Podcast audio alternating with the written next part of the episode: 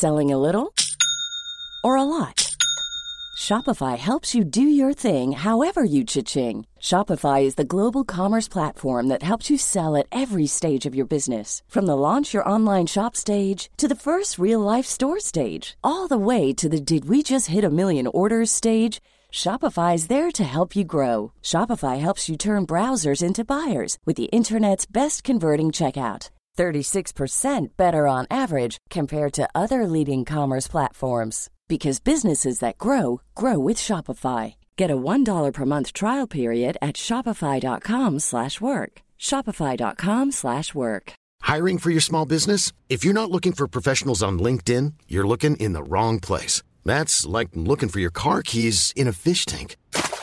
LinkedIn helps you hire professionals you can't find anywhere else, even those who aren't actively searching for a new job but might be open to the perfect role. In a given month, over 70% of LinkedIn users don't even visit other leading job sites. So start looking in the right place. With LinkedIn, you can hire professionals like a professional. Post your free job on linkedin.com slash people today. Planning for your next trip? Elevate your travel style with Quince. Quince has all the jet-setting essentials you'll want for your next getaway, like European linen, premium luggage options, buttery soft Italian leather bags, and so much more. And it's all priced at 50 to 80% less than similar brands. Plus, Quince only works with factories that use safe and ethical manufacturing practices. Pack your bags with high-quality essentials you'll be wearing for vacations to come with Quince. Go to quince.com slash trip for free shipping and 365-day returns.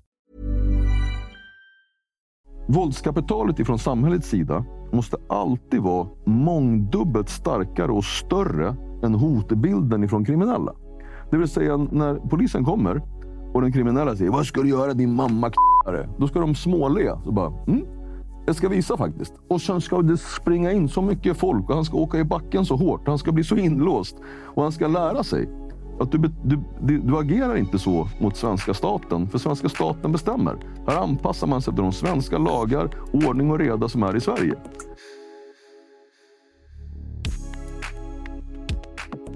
Hej på er och välkommen tillbaka till Dialogiskt. Mitt namn är Viktor och jag är som vanligt er host.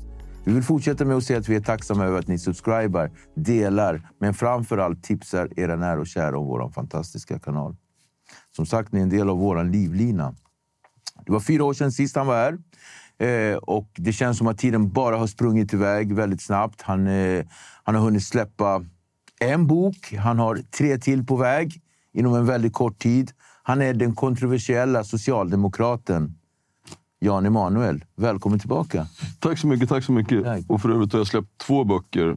Och sen så har du tänkt på hur otroligt kul det skulle låta när du säger så här jag är eran host, att du har bara, bara stannat på halva ordet och så jag är eran ho och ja. Liksom att det blivit en sån liksom annan stuns i inledningen. Liksom. Ja, eh, och du är inte den första som tänker på det, för det var någon annan gäst för ungefär ett och ett halvt år sedan som sa samma sak. Ja, du ser. Och, fast, fast, fast det var en rappare. Att man, inte är, att man inte är ensam om att ha dålig humor. Det är skönt. Välkommen tillbaka. Tack så mycket. Alltså, det var först och främst, wow vad tiden har gått snabbt. Eh, när du var här sist så var det corona. Hade precis satt igång. Det var i februari, mars någon gång 2020. Eh, och nu har hela den epidemin gjort sin grej. Och det, jag vet inte om det är ett minne blott för alla, men för många. Hur eh, har de här fyra åren tagit hand om dig? Om man går därifrån så... så eh, jag var ju ganska kritisk till hur man... Um, hanterade pandemin. Jag mm. tyckte att det där med att stänga ner saker var ganska dåligt. Och var väl kanske lite för öppen i min kritik kring det. Så jag lyckades ju bli utslängd från Stockholms handelskammare för att jag var lite för kommersiell eh, där. Och sen så sen hade jag en eh, debattturné med Jimmy Åkesson precis innan valet. På grund av att mitt parti hade ju tagit ett beslut för länge, länge sedan att man inte ska hålla någon dialog, inga debatter. Man ska liksom bara låtsas som att Sverigedemokraterna inte finns. Jag tyckte det var en ganska dålig idé. Så det hade väl också en del i att jag åkte ut ifrån Stockholms handelskammare och lite annat skit. På grund av turnén med Jimmy Åkesson? Ja, och att jag hade varit lite kritisk mot hur hanteringen då av, eh, av coronan. För att, mm. Vilket jag, jag står upp för alla dagar i veckan. Det var, det var, hade vi hållit hållit öppet eh, skolor, sett till att haft skyddat de äldre som var utsatta och i övrigt hade låtit samhället rulla på mer eller mindre som vanligt. Då hade vi fått en blomstrande ekonomi och ser man till utfallet så måste jag väl ändå säga att jag hade rätt i min kritik. Även om folk blev griniga. Vad innebär det att bli utesluten från Handelskammaren som politiker? Så här, Stockholms handelskammare är ju det, det är mycket så här, lite så här skrytuppdrag. Det är allt ifrån Wallenberg. Det är så här, eliten av svenskt näringsliv sitter i, i Stockholms uh, handelskammare. Och så har Stockholms handelskammare ett fullmäktige och där fick jag sitta. Och det gör att då kan man sitta och känna sig märkvärdig för man får vara en del av eliten. Och det var en skön känsla. Liksom. Så här, måste man väl erkänna. Och, eh, men sen är det väl lite kul att få bli utesluten också, för de har väl säkert de har gjort någonting rätt. Etablissemanget ska man vara lite försiktig med. Det här med att vara kontroversiell eh, och utesluten och så här. Det är ju en ganska röd tråd i din politiska karriär. Mm, Eller jag är hur? skitbra på att bli utesluten ur saker. Det är en av mina starka sidor faktiskt. Var kommer det ifrån? Var kommer det ifrån? Vad är det? Bakåt, jag, jag har ju asbra saker att skylla på. Jag, jag var ju, redan som liten så, så pratade man om... Um, först hette det MBD. Och, en, MBD Mental brain dysfunction. Ännu hemre. Det, det, det, det så här, minimal brain dysfunction. Minimal. Ja, så man har så här skitliten hjärna. Jag kommer ihåg när jag var liten eh, så kommer jag ihåg att det var en granne som retade sin bror för att vara MBD-barn. Mm, exakt. exakt. Så, så d- jag är ju född i, i vad ska man säga, den tidens Mm. era. Sen blev ju MBD blev ju DAMP. Men så finns det, fanns det också någonting som heter trotssyndrom. Mm. Eh, och trotssyndrom, det, det, det skrev psykologen, att det, det var någonting som jag, det hade jag. Mm. Vilket egentligen bara betyder, när någon sa så sitt, sitt ner, jag bara, eller hur? jag står. Ja, och det, har ju liksom följt, det lite grann. Mm. Jag tror inte att det egentligen har så mycket med neuropsykiatri att göra. Utan det, det är snarare någonting som ligger hos en. Att om du har en neuropsykiatrisk eh, diagnos i botten, säg att du har ADHD, men att du också har svårt att ta direktiv kring saker du tycker, du förstår inte. Varför ska jag göra det? Och så säger man så, varför det? Och de bara, för att det är så. Man bara, eller hur? Stick! Och det har, ju, det har gjort att min skolgång blev ju, man kan väl säga, sisådär. Eh, Jag har haft det svårt för auktoritära personer. jag har inte klarat av alls. Jag har inte klarat av att ta... Om någon, nästan så att det blivit som en, som en parodi när någon har sagt åt mig att göra saker. Så jag bara, nej. Mm. Andra hållet. Liksom. Så det, det, det påverkar mig som, som liten. Men sen har jag försökt att, att jobba med det på ett positivt sätt. Mm. Jag tror ju att det är bra att ifrågasätta. Om, om någon auktoritär person säger åt dig bara, gå i led. Och då ska du fråga så här, varför det? Och kan inte den personen förklara för dig varför du ska, stå, varför du ska gå i ledet, gå inte i ledet. För att det där ledet brukar ofta leda rätt ut för ett stup till slut. Jag brukar säga att det viktigaste som du kan fånga ur tron, jag är kristen, så när, när det står i skriften varde ljus, så det Gud gav dig, det var förmågan att tänka. Och att förmågan att tänka, det är förmågan att ifrågasätta. Så bara för att någon säger så här är det. Mm, mm, mm. Läs, ta reda på, ifrågasätt innan du lyder. Så jag tror att eh, ett trotssyndrom, det är kanske en av de få sakerna som är bra eh, utifrån de här neuropsykiatriska delarna. Om man nu ska se det som någonting neuropsykiatriskt. Hemma då? Hur var det hemma? Var det, var det trotsig hemma? Jag tror inte alls på samma sätt. För att när det gäller saker som föräldrar säger, om du har föräldrar som, som eh, inte bara vill dig väl utan också kan, kanske säger ganska bra saker. Om din morsa säger så här, vet du, sluta sno cyklar. Då är det ju, om du då säger, varför det? Då är det, det är snarare efterblivenhet. För det är klart att du, om du har någon form av moral, begriper att klart jag inte ska sno någon annan cykel, för det är hans. Ja. Men det snod, gjorde man ju för man ville ha en cykel. Men, men om du inte fick en förklaring till varför? Ja, Alltså- men där finns det ju alltså förklaringar. Du, återigen, om man ska skilja på vad som är klokt och tokigt. Eh, jag ska säga intelligent kontra efterbliven. Mm. Det är ett, om, om eh, cy, cykelexemplet är ett milt exempel. Ja, om, om, om, om, om, jag säger så ja, nej, men eh, du säger åt mig, men misshandla inte ljudkillen. Jag bara, varför det? Bara, Det är ganska eh, uppenbart. Vad, vad, vad är det för fråga? Varf, varför ska du fråga varför kring en sån sak? För att det ska finnas hos dig. Det är det som är etik och moral. Moral, ja. Dina och, grundvärderingar. Och, grundvärderingar. Och det är bristen på grundvärderingar som gör dig till en skitmänniska. En, om du inte har någon moral, om du inte har några grundvärderingar att leva efter, då är du en dålig människa. Det betyder inte att du behöver vara det hela livet. Du har möjligheten att förändras.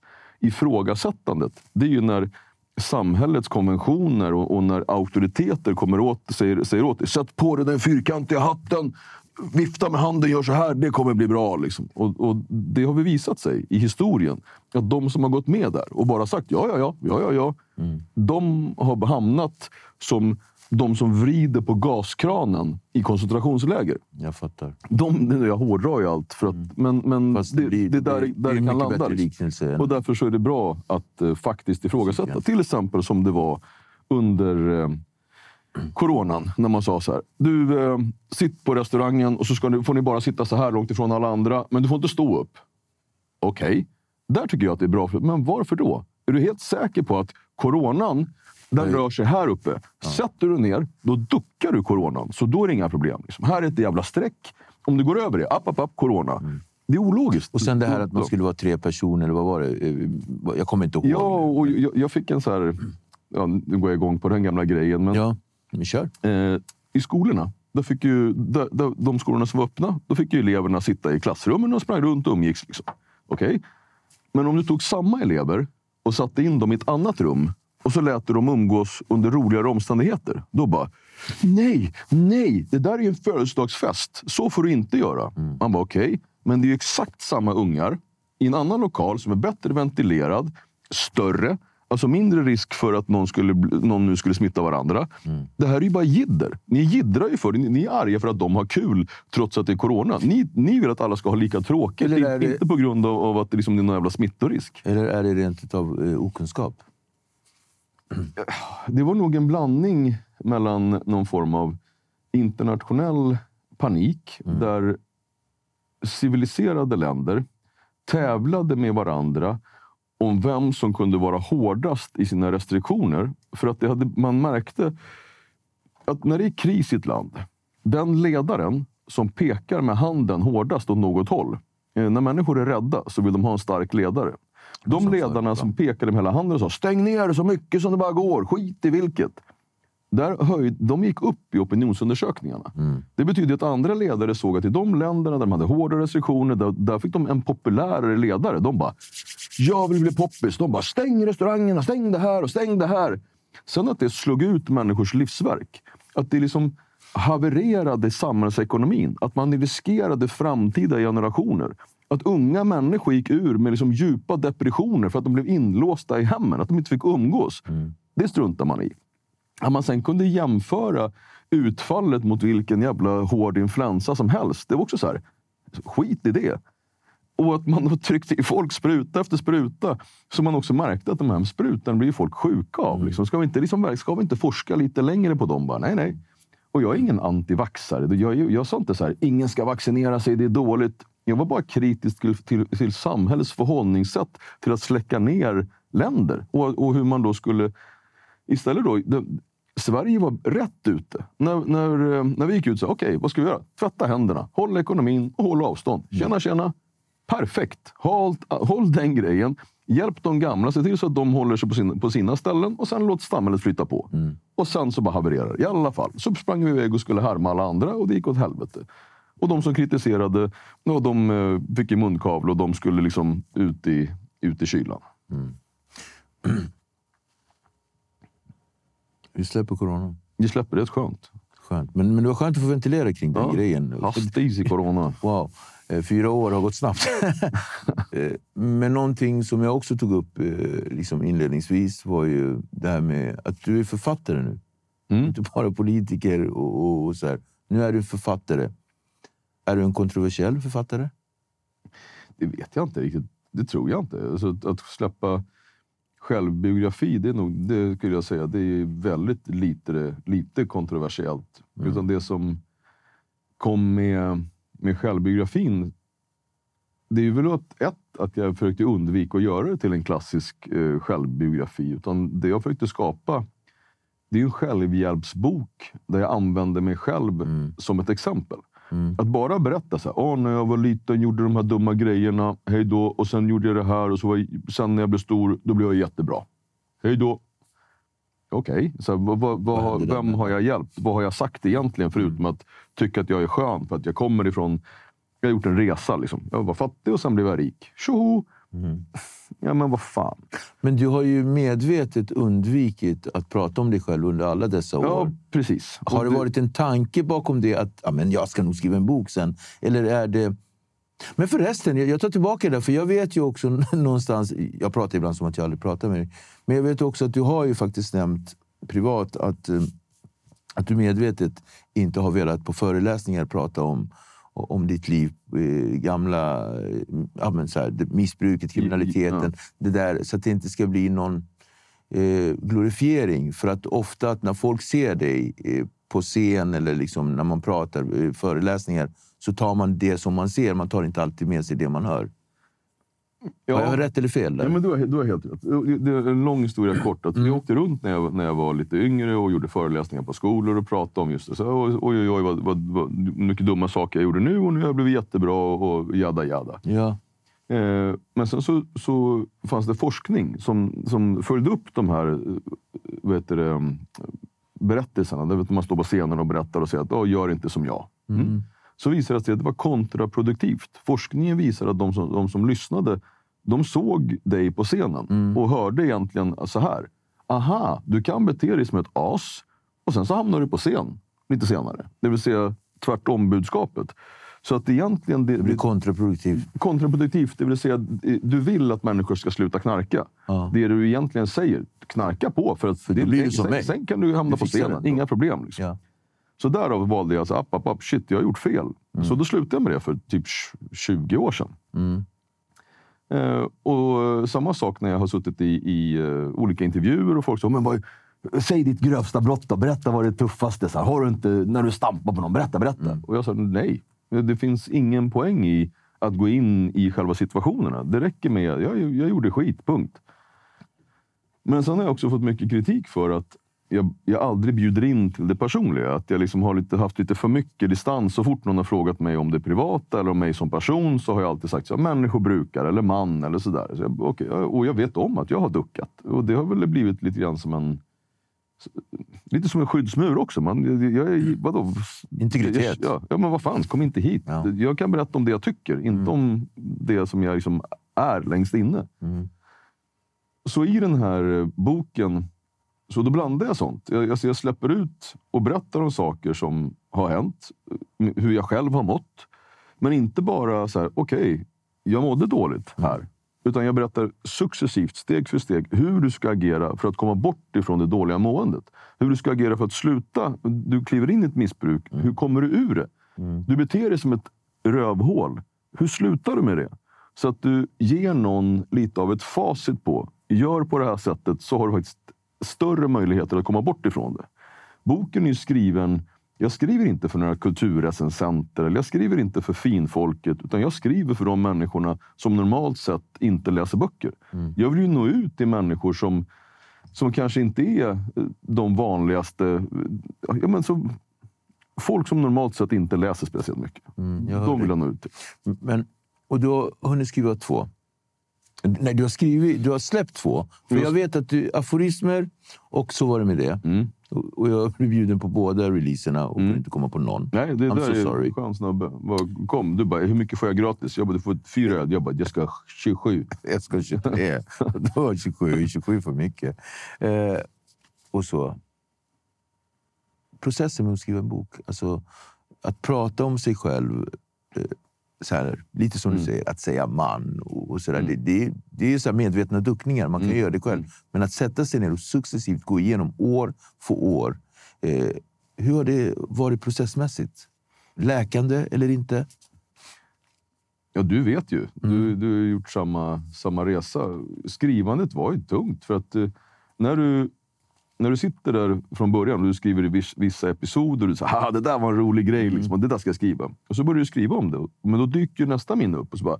Aj, aj, aj. det- Nej, där gjorde jag det där? Åh, vad jobbigt. Ja. Så man ringt till de som lever fortfarande. Så, Kommer du ihåg det här? Och de bara, ja det här. Och så ringer man, börjar de prata och så bara, och hon, hon den, den dog och det här hände. Man bara, ah, uh, uh. Så det har ju varit mycket...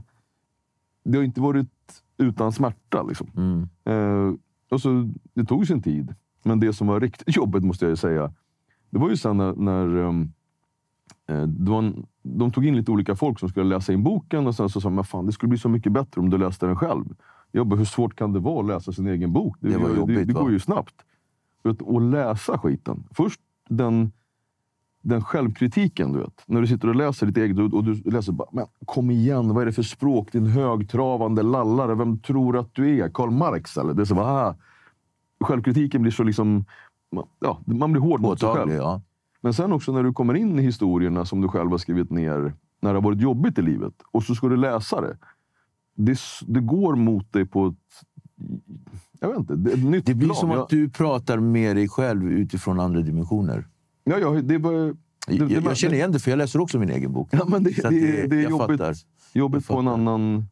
Det mesta i livet har man gjort förut. Mm. Men du, att läsa om sitt eget liv som du själv har skrivit, det blev liksom en extra örfil på något sätt. Man bara, ah. Det Så blir- den, den inläsningsprocessen, den var, den var tung. Den släpps idag. Idag släpps den på alla Den femte, ja, jag såg det. ljudplattformar. Jag var inne faktiskt och, och tittade.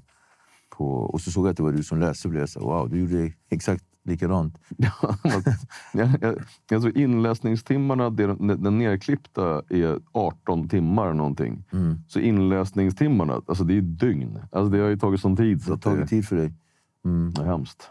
Men uppväxten och barndomen då? Jag vet att vi har en bok att se fram emot för folk och lyssna på och, och sådär. Men Gottsunda på 90-talet? Berätta, Uppsala. Så det är ju, jag skulle säga att skillnaden Gottsunda nu och då är minimal. Det som, eh, det som Det är likadant. Ja, det, det är två saker som skiljer som jag, som jag skulle säga är påtagliga. Det ena, eh, bägge är sorgliga. När vi växte upp, då var det verkligen vi. Om du var från G och det hände någonting på stan och du har ställt till det. Men de andra är någon annanstans ifrån. Så höll man ihop. Det spelar ingen roll. att, att Sen så kunde, när vi kom hem, så kunde man så ge honom en, den som gjort bort sig få en örfil för att du var fan, det var ju du som hade gjort fel. Men såklart ställde vi upp bakom dig det var en, det var en här, och det här kan låta glorifierande, vilket det säkert också är, men det var familjekänsla kring Gottsunda. Var du från Gottsunda så var du, du var liksom, hade någon nästan som en form av det här låter också för mycket nästan, men det är så här, ja, men lite beskydd. Backning. Alltså, du var från G, så var man från G. Mm. Aldrig liksom att, det är klart att folk gjorde upp, men det var ju aldrig någonsin att det blev så interna krig eller att ännu något, att någon skulle skjuta på någon. Så där, det hände aldrig. Nej. Det var en helt annan grej. Liksom. Det sorgliga nu det är att det har ju försvunnit. Nu är det ju liksom internt. Nu skjuts det ju i Gottsunda. Gottsunda folk på Gottsunda folk. Och det är så här, det är så ofantligt sorgligt. Den, den, det som, den delen har liksom på någonstans försvunnit. Eh, och det riktigt sorgliga det var ju att en sak som folk inte begriper. Polisen förstår det knappt och än mindre politiker.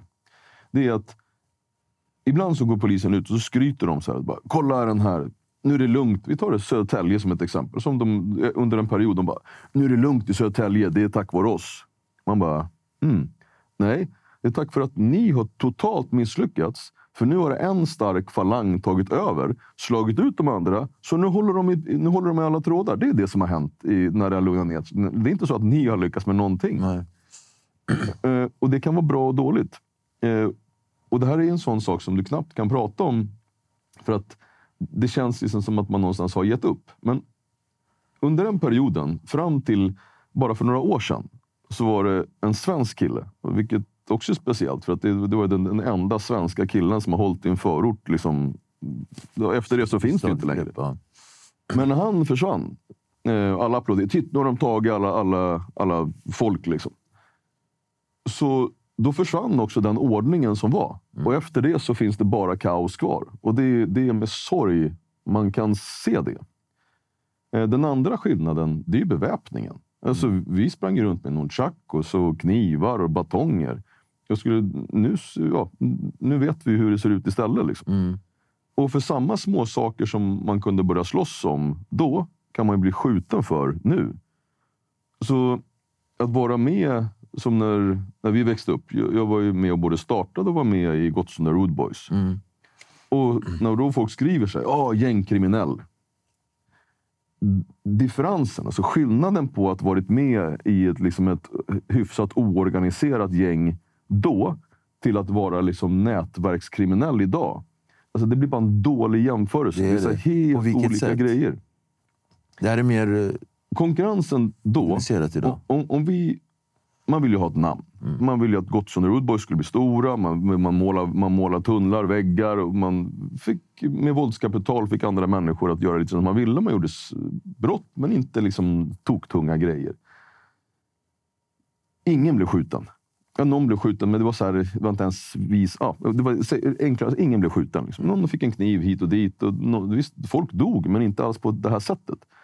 Du riskerade inte att dö för ditt gäng på det sättet som det är nu. Nu är det, ju så, nu är det snarare så här, håller du, ska du vara med, gå, gå all in, så kommer du bli skjuten. Förr eller senare. Det, är så, det, det, det är med största sannolikhet. Och det är ju det är ju natt och dag. Och det, det är därför det blir, jag känner mig att det, det blir kymigt när, när tidningar skriver så här, gängkriminell och folk tänker, vad fan, hur, nej, eller va? Och bara nej, det, det jämför inte för att det, det är inte samma grej. Liksom. Vi var generation, jag skulle nästan kunna säga vi är lite generation ett. Vi var, vi, var, vi var där och började. Det fanns inga gäng när vi startade. Och sen nu finns det ju hur mycket som helst och, och, och folk blir skjutna. Och det, ja, det är en otrolig skillnad. Och skillnaden idag är också i kommunikationen. va? Alltså man kommunicerar på ett annat sätt idag. Idag kommunicerar vi i sociala medier, ställer sig utanför en port och, och, och, och tar, och kör med automatvapen och sen tar man en bild och sen, eller en video så skickar man ut det på Snapchat, TikTok, you name it. den, enda, den enda skjutningen genom en dörr som var i, i Gottsunda tidigare. Det var när de öppnade polisstationen i Gottsunda. Då var det en, som gick dit med en hagelbrakare och sköt in på en tom polisstation för att markera vi tycker vi vill inte ha några snutar i Gottsunda centrum. Det var den enda skjutningen mot, någons, liksom mot en dörr. Nu är det ju liksom som en så här, ja, en dag, det ingår liksom att folk ska springa ut och skjuta in i människors hem. Bara, snälla gud, sluta. Eller ge sig på varandras anhöriga. Det är, det är bara med så stor sorg jag ser att det, det händer. Dialogis vill säga tack till våra stolta sponsorer. AFN, All Stars Fight Night. En organisation som främjar svensk fighting. Fordonsmäklarna, bilhandlarna som erbjuder dig bra service och kvalitet på vägarna. Granby Storgård, ett HVB-hem med familjekänsla. Advokatfirma Ola Tingvall, ett tryggt försvar för alla. Du själv då? Du, du är väldigt rak i din kommunikation, nästan på gränsen till eh, rå och gränslös enligt en del som är lättkränkta. Jo, så det är ju ganska jobbigt att, att få höra någonting. När, när man säger att en spade är en spade så blir det ju sorgligt för vissa. Att om, om, jag, om någon säger så här, men det, det var inte mitt fel. Och jag säger okej, du våldtog en, en tjej. Ja, men jag har varit med om massa grejer. Och jag säger, men du vet, jag, det finns väl ingenting jag bryr mig om mindre än om du har varit med om massa saker. Du är medveten så våldtog du en tjej. Du är en skitmänniska. Gå i fängelse, sitt kvar där och hoppas verkligen att de släpper ut dig från din jävla våldtäktsavdelning så du kommer ut bland de vanliga och får så mycket smörj. Så vill jag att det ska bli. Och det är klart att det är svårt att höra när han vill, vill att jag ska säga Jaha, din, din stackare. Du, jo, men du, du, det är väl klart att du ska springa runt och bete dig som ett as för att det är synd om dig. Det är inte synd om dig någonstans. Du, miljoner människor delar din bakgrund. Springer de runt och beter sig som arslen? Nej. Det ligger hos dig. Du, du bestämmer ditt eget liv. Men- och det kan vara, det kan vara tungt för vissa att höra. Och, och, och då, vi var ju inne på det här med, med barndom och värderingar, etik och moral. Kommer den rakheten och transparensen hemifrån? Hur var det hemma? Alltså, det, min, min mamma är ju... Min, från min mammas släkt så har vi en, som, så många generationer av fattigdom som du kan gå tillbaka och släktforska så har vi varit liksom så fattig som man kan ha varit i Sverige. Min mormor tvättade kläder i en bäck eh, som rann nedanför vårt hus eh, på vintern. Det, det, är, det är kallt. Det är inget mysigt. Min morfar sa till min mamma, berättade för henne att det här ska du eh, säga i skolan att du åt. Så sa han, säg att du åt fläskkotlett, brunsås och potatis. Man bara, okej, då säger jag det. Och egentligen fick de bara potatis. För det fanns ingenting annat i hemmet att erbjuda. Så det fanns också någon en- form av stolthet i Ja, jag, inte... va- jo, min, min morfar var en, en riktig karakar. Eh, jag fick inte reda på förrän hyfsat långt in i tonåren att den gården som min morfar har byggt med sina egna händer, som hans pappas, som hans pappa eh, tog, fixade från början och har byggt, alltså byggt husen fysiskt. Att han äger inte ens det. Utan han har byggt husen på en arrendetomt. Så hela, vad två, i- numera tre generationer har skapat med sina egna händer, äger någon annan. Så, så när min mamma nu börjar bli gammal och ska dö, så det här är ingenting som vi får ta över. Utan då får vi lämna tillbaka det som min släkt har byggt. Till? Den, till eh, Uppsala akademiförvaltning. Okej. Så det, det här, min släkt härstammar, det bara den absoluta fattigdomen i Sverige. Alltså det är eh, både ett trasproletärt och en, en ultraproletär bakgrund. Och sen var morfar såklart då också periodare, alkis och ja, mycket, mycket misär. Liksom, folk då. Och, Var det mycket missbruk i din familj? För, för någonstans har du också pr- pratat om din, din far som att ha- han blivit gripen av polisen. Det finns något scenario där att, han, att du står där. Ditt första minne av polisen är att när de kommer och ska gripa honom för han var efterlyst. Mm. Eh, Jo, farsan var bra på att vara efterlyst när, han var, när jag var liten. Eh, och, eh, nej, och polisen var hem till oss och skulle gripa eller fånga farsan. Han, han var bodde i Christiania under en period när han var efterlyst. Så hippieran vi pratar Ja, om. det är verkligen hippier. Men han var också med och startade en mc-klubb som jag sen blev medlem i. Eh, och han var också en av dem som startade ett motstånd. Det, det omnämndes eh, som ett krig i tidningarna mellan olika mc-klubbar. Och ehm, Det var ett krig som... ehm, var ganska omfattande. Ja, det var rörigt. Och eh, pappa var en av huvudrollsinnehavarna i det som kallades då motståndet mot en stor ny mc-klubb som hade etablerats i Sverige. Mm. Och vi förlorade ju. Och farsan fick ju stryk och det blev liksom... Ja, han, var ju, han levde ju under eh, dödshot under, under stor del av min eh, uppväxt. Mm. Och det var väl lite rörigt eh, i sig. Så din relation till din pappa var mer än... Så att jag fattar rätt. Din relation till din pappa var mer en kamratlig, men ändå att du såg upp till honom i den... Jag måste, bara, jag måste bara ta tillbaka ett ord. Jag sa så här, han levde under dödshot. Det fanns inga nedtecknade eller uttalade hot att du ska dö. Så det Nej. var felaktigt. Han levde under, under hot.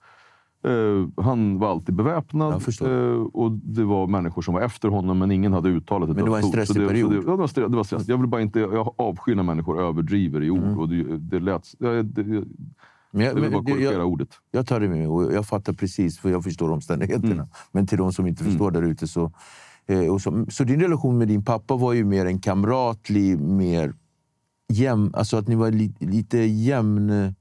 Pappa har, har en, tydlig eh, diagnos. Mm. En mycket tydlig diagnos. Och han, vi har aldrig haft så här, åh vad kul att du är hemma, kramas. Utan det är som att man hälsar och han har alltid, alltid funnits där. Alltid, om jag har ringt så har han sagt, var är du? Jag kommer, ja. Ja.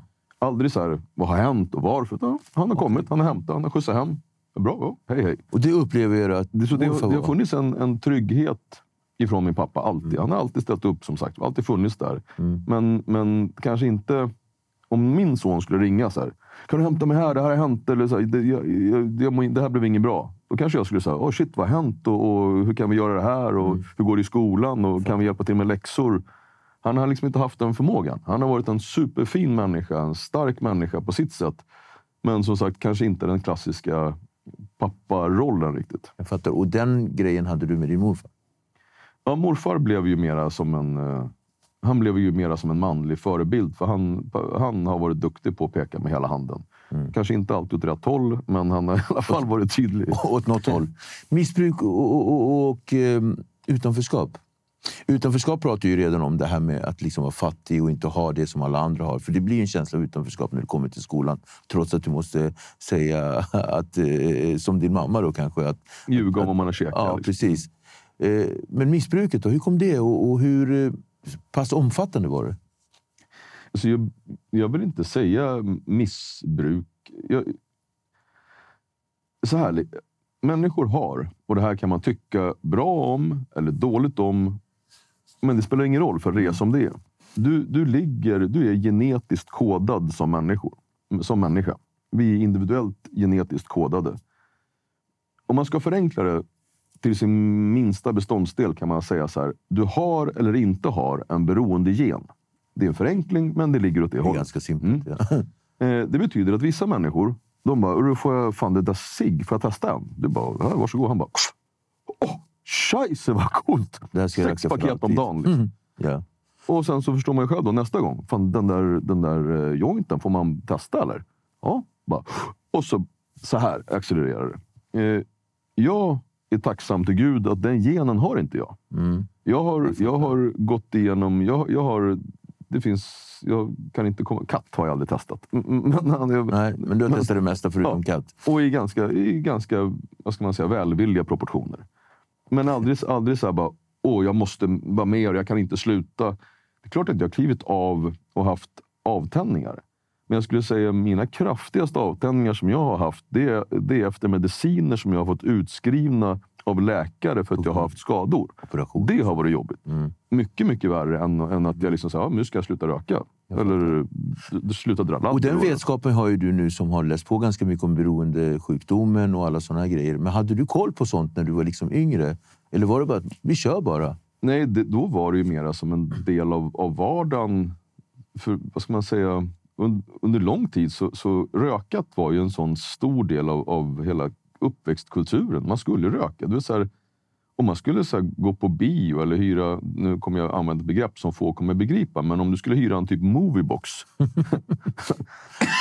Kommer du ihåg Moviebox? Nej, men om du skulle hyra en, en, en, en videofilm Ja. och titta på en videofilm utan att röka en braja. Det var ju som att så här, borsta tänderna med, med boxningshandskar. Det var, var, var, det var ju bara meningslöst. Vad ska vi göra det för? Liksom? Och så blev det ju med, med allting. Du vet, man, om, när man pratade i telefon då, då, då hade du en telefon som hängde på väggen som satt fast.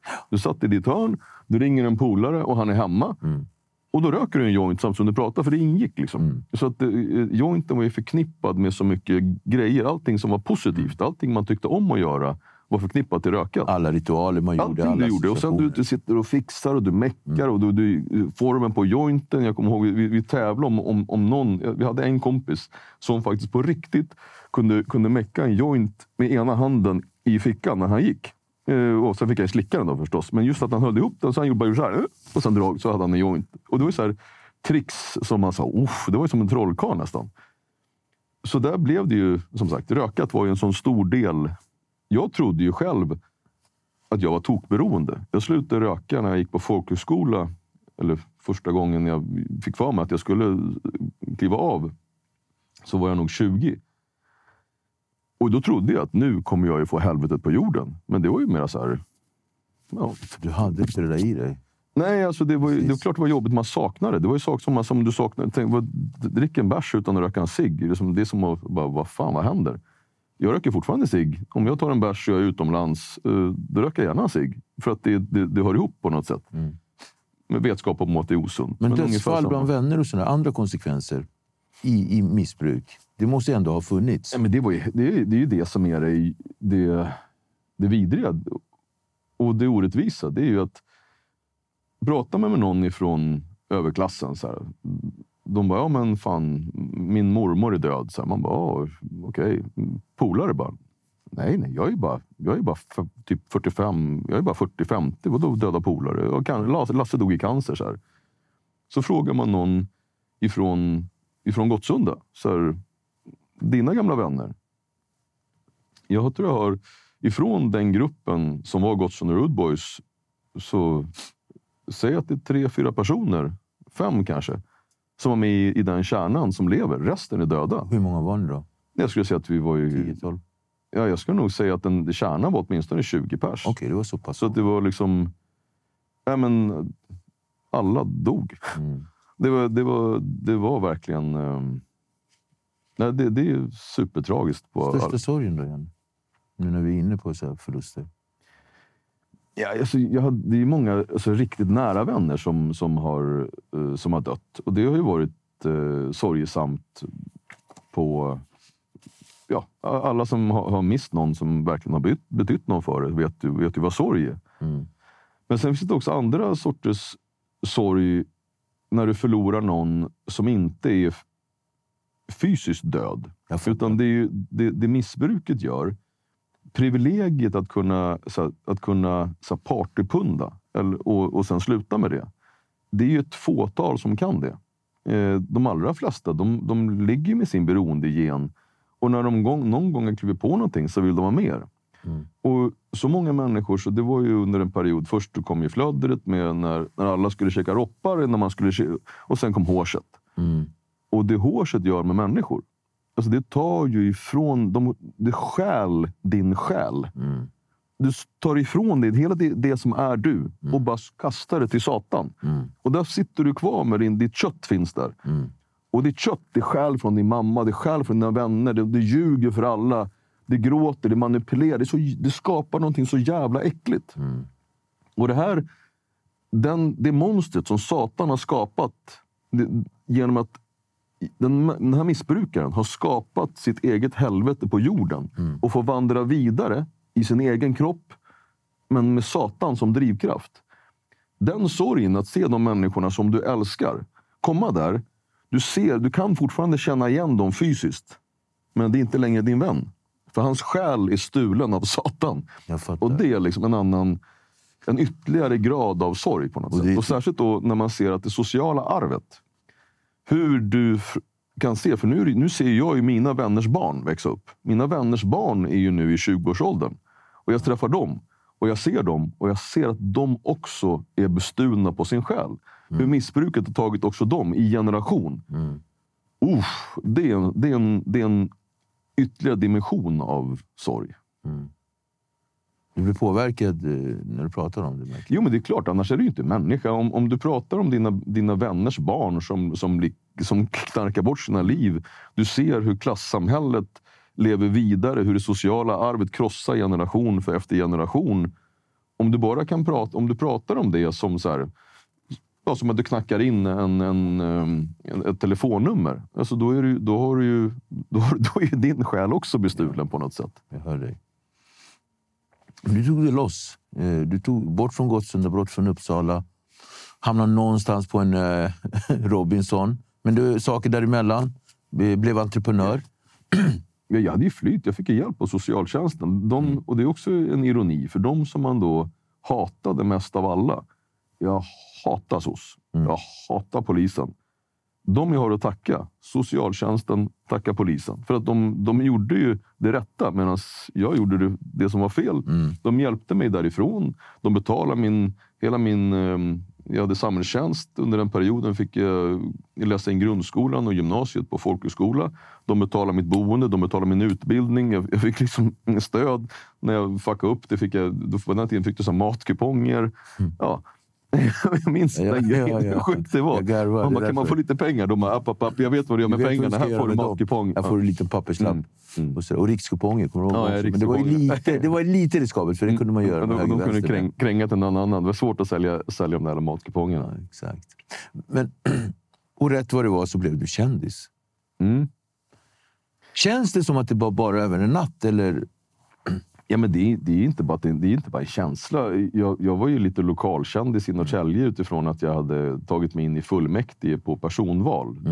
1998 var det, var det, det då, då, då var det första gången man testade på personval, även om det inte blev riktigt på riktigt. Och då tog jag mig in i fullmäktige på, i Norrtälje. Men sen eh, valet 2000, eh, 2001, 2002, förlåt, det var 2002 var valet va? 2002, ja. Ja. Det var det första gången som det var ett eh, personval på riktigt. och den där festen i Sturecompagniet. Och, Ja, Exakt, så då samlade vi ju ett gäng folk eh, inför det valet och skulle sats, ju, verkligen gjorde en stor satsning på personval. Och, så kom, och då var det Sabbe, min polare, som kläckte idén om att, eh, för då var såpor var ju ett nytt. Robinson var ju det största som fanns. så hade vi baren. Ja, Och, ba- ja, och det fanns baren, radio, det fanns, eh, det fanns en väldig massa olika såna här Mm. såpor. Och de, alla blev tokkända som var med. Men Robinson var ju liksom ja, det, Sveriges största program, enskilt största program. Mm. Sändes en gång i veckan, jag tror det var på lördagar. Jag sa familjefest. Så, så om du söker dit, och, tänk, och, och jag sökte till allihopa. Jag skickade in en, en tidningsartikel som jag hade varit med i, en tågtidning där det stod så, åh supertuffa Janne, han har gjort det här, oj vad han har varit kriminell och nu har han blivit supersnäll och jättehäftig och då bra på så alla sätt. Så jag bara skickade in den och de bara, honom ska vi ha. Mm. Så jag fick välja och så hjälpte de här kompisarna i den här personalgruppen mig och sa jag ville helst komma, in till, komma till baren, för att dricka bärs det klarar jag av. Sitta på en jävla ö, ingen mat, vad ska Ja. jag göra där? Men du sa, det är klart du ska dit, för det är där, där folk kollar. Och jag tänkte att får jag vara med i ett par, tre program, då kommer folk känna igen mig och då kan jag driva personvalskampanjen utifrån det. Så det var en liten en kupp mot dem. Vi skulle ge gemensamt utnyttjande. Jag ville komma in i riksdagen, de fick kolla på och, och ja, sälja, sälja på de som var med. Liksom. Men av, av olika, på olika sätt då, så råkade jag vinna istället. Och det, var, det, var ju, och det gav ju skjuts till, till det hela. Ja. För då satt du ju där. Då var du ju per definition kändis. Mm. Och då hade jag precis det jag behövde ha. Det vill säga allt det massmediala sökarljuset var på mig. Jag kunde sätta det och säga hej, jag vill in i riksdagen på grund av de här politiska frågorna som jag vill driva. Ja, och det blev ju bra. Är du fortfarande socialdemokrat? Ja, Jag är 100 procent socialdemokrat utifrån vad, vad klassisk socialdemokrati är för någonting. Och, ja. och Men varför- partiet, Ja. vill jag bara understryka, partiet, de, efter Göran Persson så sprang de åt ett helt annat håll. Mm. Och det är en sorg. För det är, den, eh, det är det missförståndet många har kring dig när du liksom säger just det här du sa nu. Eh, att man tänker att du inte är socialdemokrat längre och sen så hjälper du till lite grann med att vara lite annorlunda än vad Mm. normal socialdemokrat är. Du, du parkerar din bil lite överallt Mm. och får lite tickets och så, så var det med det. Och så lite sådär. Politiskt, var står vi idag? Alltså inte du personligen, men jag menar det här landet, det avlånga. Om man ska göra en, en jätte... Har vi två minuter till en väldigt Absolut. snabb politisk Ja, exposé? För, det, det, det, för att man ska kunna förstå svensk politik så behöver man gå tillbaka lite längre än liksom föregående val. Mm. Eh, när Sverigedemokraterna har slagit igenom och alla, alla skriker så här, Åh, rasister. Mm, det stämmer. Sverigedemokraterna utifrån så BSS-tiden, Bevara Sverige svensk-tiden, det var ju gamla nassar och skitfolk. Men att bara säga det här var de och det är de nu, Mm. ja, det är helt enkelt inte politiskt renhårigt att göra så. I så fall skulle vi ju säga att Centerpartiet, som var ett nazistiskt parti, det vill säga Centerpartiet, de, de, de stöttade nazistiska idéer om den vita rasens överlägsenhet. Det finns inskrivet i Centerpartiets partiprogram. Men det är väl ingen vettig person som skulle säga, börja skrika nazister åt Centerpartiet? Och hur kommer det sig?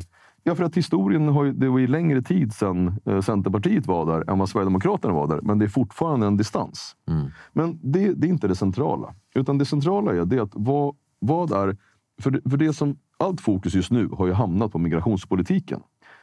Och det är inte konstigt, för ingen annan politisk fråga har förändrat Sverige demografiskt på, på ett sånt sätt någonsin. Det är en helt ny situation.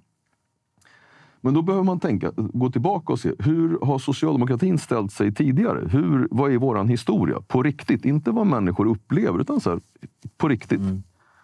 Socialdemokrati i sin kärna, det är att representera den vanliga arbetande människan. Det är vårat folk. Vanliga arbetande människan. Den vanliga arbetarmänniskan, den vanliga människan kan också bli sjuk. Det vill säga, då har vi skapat en, en trygghet i att det sociala skyddsnätet, blir du sjuk så fångar vi upp dig.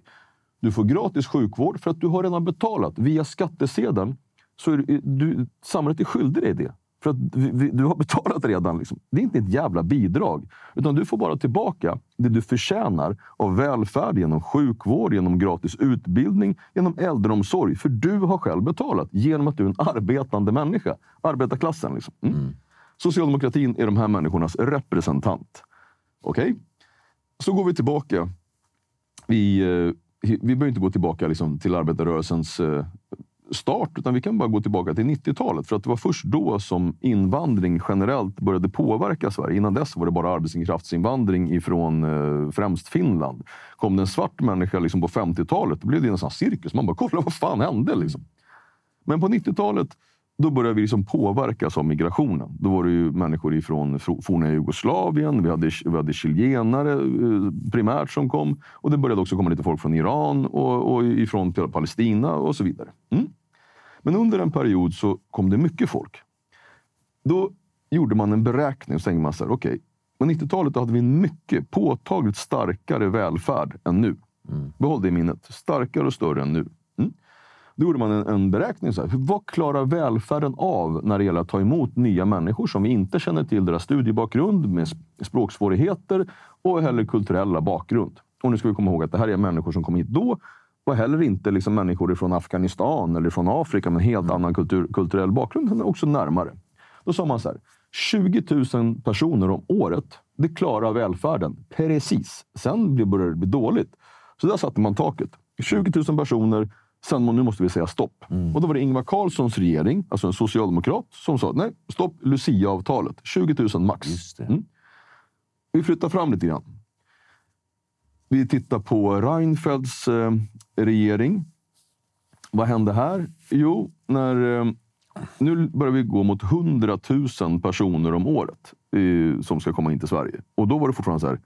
Ja, Reinfeldt säger på riktigt. Nej, men titta på Sverige. Det finns ju jättemycket mark här där ingen bor. Där kan väl människor bo?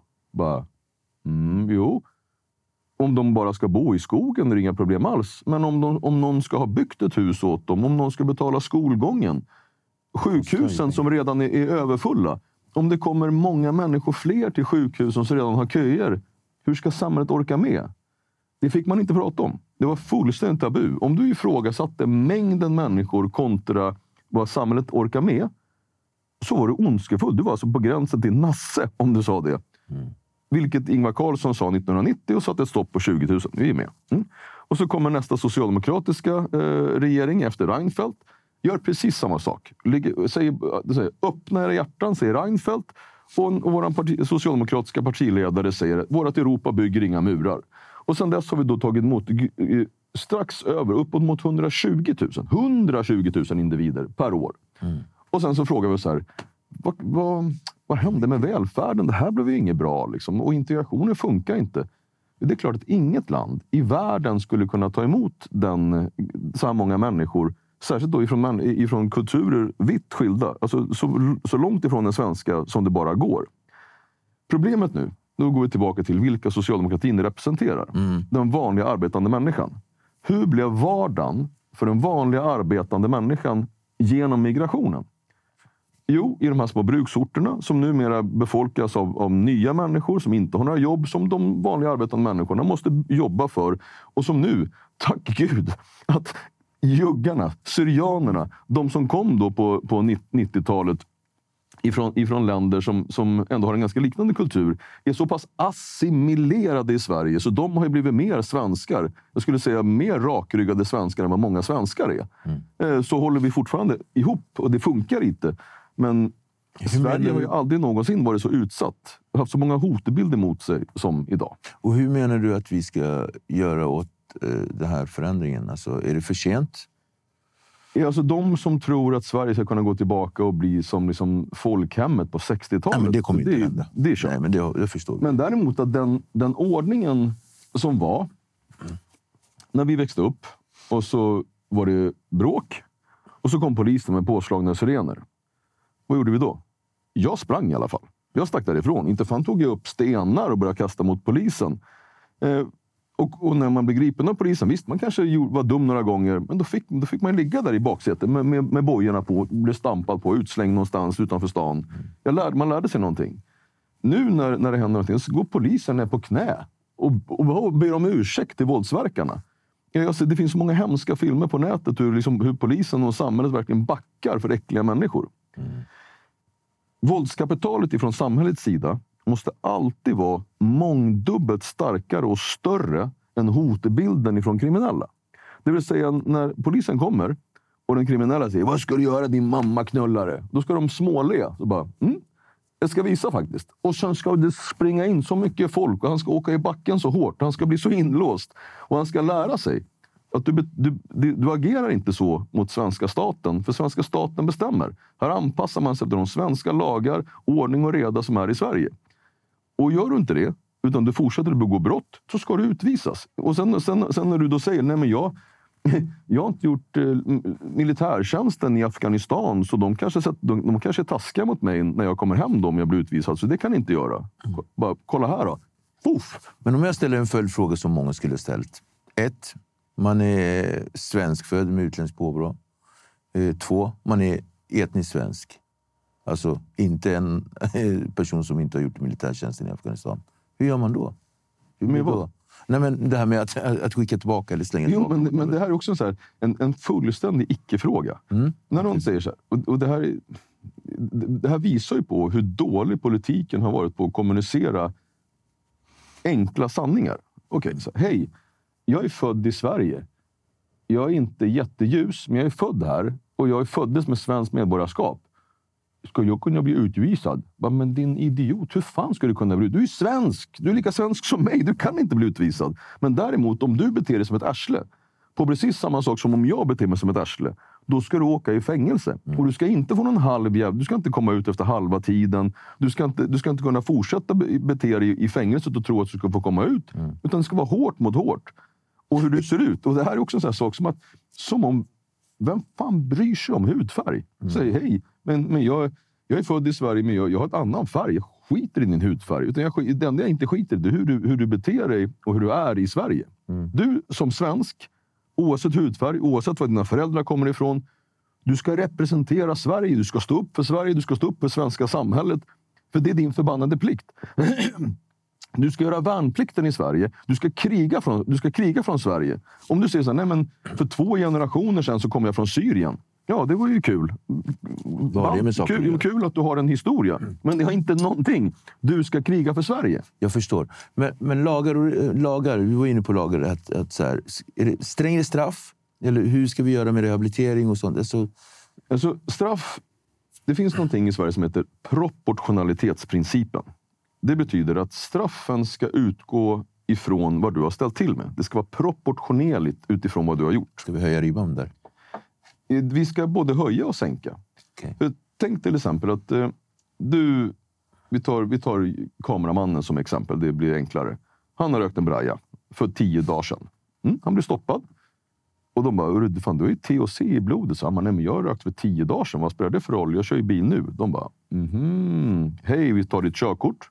Du får en prick i registret där det, där det står att du har torskat för ringa narkotikabrott. Men det finns det risk att du blir av med jobbet. Om du har barn så kommer socialtjänsten kontaktas för att du eventuellt har ett missbruksproblem för att du hade THC. Du, du får ditt liv mer eller mindre krossat för att du rökte en braja. Det är inte proportionerligt. Det är galenskap på, på sitt sätt. Andra sidan, så här, vi är tre stycken snubbar. Vi tar en brud. Vi våldtar henne på ett sätt som är svårt att beskriva i ord utan att när du, du nästan gråter när du tar del av domen. Och så är de ute efter något år. Eller kanske inte ens torskar allihopa för de skyller på varandra. De ska sitta en tia. De ska, och de ska sitta på något... De ska, om jag fick bestämma, vilket eh, jag tyvärr inte får. Jag skulle ta bort våldtäktsavdelningarna på fängelserna och så får, våldtäktarna sitta bland alla andra. Det skulle göra en stark, stark motivation till, till, till människor som när de tänker jag ska våldta. Mm, det här är konsekvensen. Och de ska självklart utvisas om de inte är svenska medborgare. Men nu kommer en sak som också fortfarande är tabu att prata om. Om du har kommit till Sverige eh, för, säg, tio år sedan och så fick du svenskt medborgarskap för fyra år sedan. Men du ljög. Du hittade på och sa att, och sa att jag kommer från det här landet, jag har bott där, jag har varit med om det här. Och så visar det sig men det var- är inte alls sant. Du kommer från ett annat land, du har hittat på historien. Du Du, har inte du, är- ålder. du är här på falska grunder och nu har du våldtagit. Jag tycker inte att om du har fått någonting på falska grunder. Om jag till exempel gör ett bedrägeri så tjänar jag massa pengar på bedrägeriet. Och så torskar jag. Får jag behålla de pengarna? Nej. De krävs tillbaka av mig. Plus att jag ska betala böter. Hur kommer det sig att om du bedrar svenska staten, du, du, du kommer hit på falska grunder, får du, du får ditt svenska pass på falska grunder, men så ska du få behålla det. Vad är logiken i det då? Den tycker jag är, den är, inte, den är inte solklar. Men är du svensk medborgare och du, särskilt om du är född i Sverige, du är här på, på, på, på rätta grunder. Då är det en icke-fråga. Du är jag. Ja. Du är vi. Du är en del av, sam, av samhällsdelen. Du, du är en del av vårt förbannade familjeporträtt som, där vi ska hålla ihop och vi ska vara stolta över Sverige. Eh, du har ju mycket liksom, åsikter och, och, du har ju lösningar på saker. Så saknar du att komma tillbaka till maktens korridorer? Att vara jag- verksam? Nej, men jag, saknar, jag, jag saknar absolut eh, riksdagen och ja, maktens korridorer. För makt är bra. om du vet vad du ska göra med den. Makt är dålig om du vill ha den bara för maktens skull. Och tyvärr är det så att många av våra politiker är där bara för maktens skull och för sin egen skull. Och det är därför vi behöver byta ut politiker. Vi har, en, vi, vi har ju utifrån, vilket man också glömmer bort, att Sverige är ett kristet land. Den förlåtande hållning som Sverige har, alltså den civilisation som finns i Sverige, den grundar sig ju just på den, kri- det är en kristen grund. Vi i Sverige har liksom dragit förlåtelsen till liksom en, en ny dimension. Jag brukar säga att i skriften står det att du ska vända andra kinden till. Mm, och det tycker jag är en bra sak. Du menar vi har en två varv? Ja, man får en örfil här och man bara, mm, okej, men jag vänder andra kinden till. Så får man en smäll där också. Men vad står sen då? Ja, sen så står det ingenting. Och då, bam, så ska han få en skalle. För att då är det, då är det, då är det rättfärdigt att slå tillbaka. Ja. Du, anna- annars, du, Jesus sa inte så här, var ett mähä, låt dig utnyttjas, bli trampad på. Det, det sa inte Jesus. Men hur som helst, i, i svenska samhället då så har vi dragit förlåtelsen till en ny, ny dimension. Så att de politikerna som har skadat Sverige. Samma människor som har sett till att vår välfärd har fallit ihop. De får fortsätta. Som om det bara var en ny dag på jobbet. De får liksom, nej men okej, han var ju socialminister. Han får bli utrikesminister istället. Så är det glömt det här Han gjorde tidigare. Ja, ja, visst. Eller i, i så här, om de inte längre går, ja då får de bli så ambassadör någonstans. Jag skulle säga alla de tjänstemän, alla de politiker, så korrupta folk som har ställt till det här. Lämna! Stick härifrån. Och du ska inte ha någon fallskärm. Du ska inte ha någon så reträttpost där du ska liksom ha en ännu fetare lön för att göra ännu mindre. Utan du ska bort ifrån, du har, du har saboterat, stå för det, stick härifrån. Och så ska de bytas ut med nya folk som har visioner och har idéer om hur vi ska utveckla landet. Inte bara som pratar och pratar och sen gör exakt samma sak i alla fall. Och går runt där och är mätta. Tvialek. Kommande böckerna som släppt handlar om det här. ja, en, en av.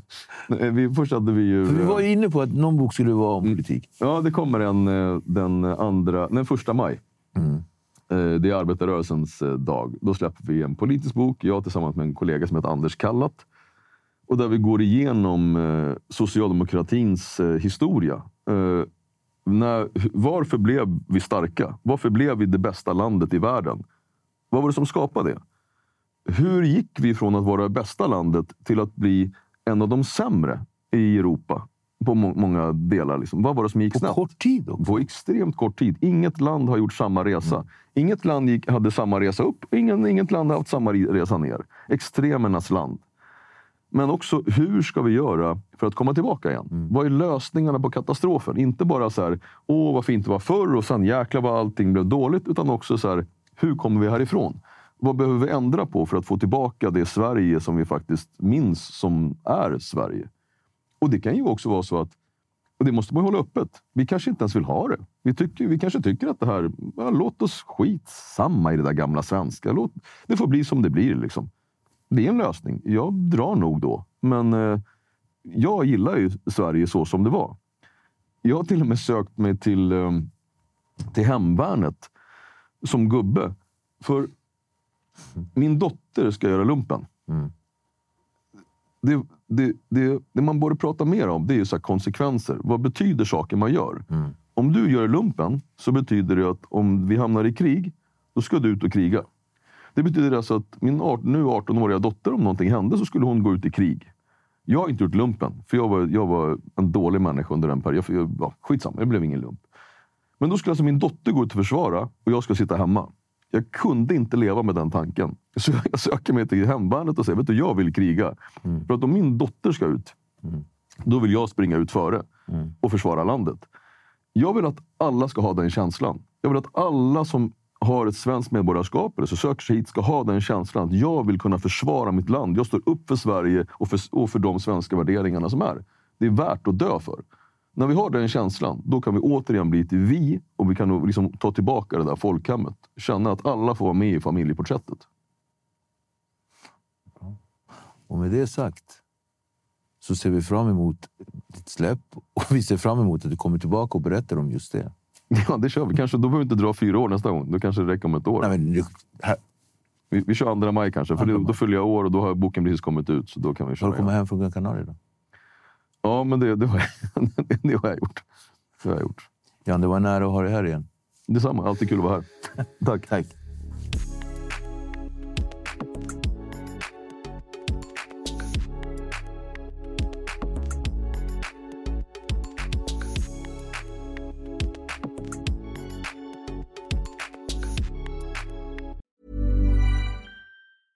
Selling a little or a lot?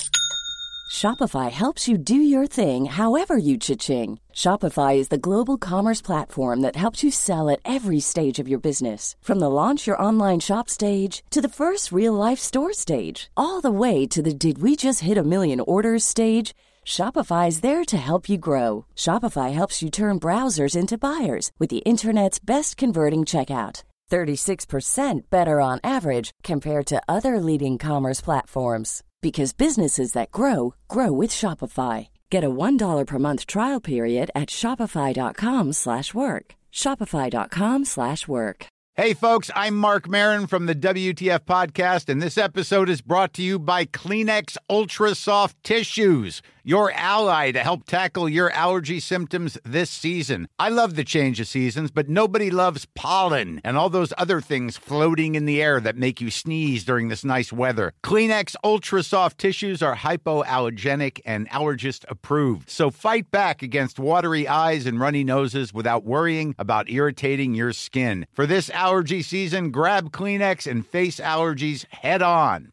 If you thought the only way to get a more defined jawline with natural-looking results was through surgery, think again. Juvederm Volux XC is a non-surgical injectable gel filler that improves moderate to severe loss of jawline definition and can help you achieve natural-looking results with little downtime. Even better, this improved definition lasts up to one year with optimal treatment. No maintenance required. Improve jawline definition for a smooth, sculpted look with Juvederm Volux XC. For important safety information and to find a licensed specialist, visit juvederm.com. That's J U V E D E R M.com. Not for people with severe allergic reactions, allergies to lidocaine, or the proteins used in Juvederm. Common side effects include injection site redness, swelling, pain, tenderness, firmness, lumps, bumps, bruising, discoloration, or itching. There's a risk of unintentional injection into a blood vessel, which can cause vision abnormalities, blindness, stroke, temporary scabs, or scarring. Talk to a licensed specialist to find out if it's right for you.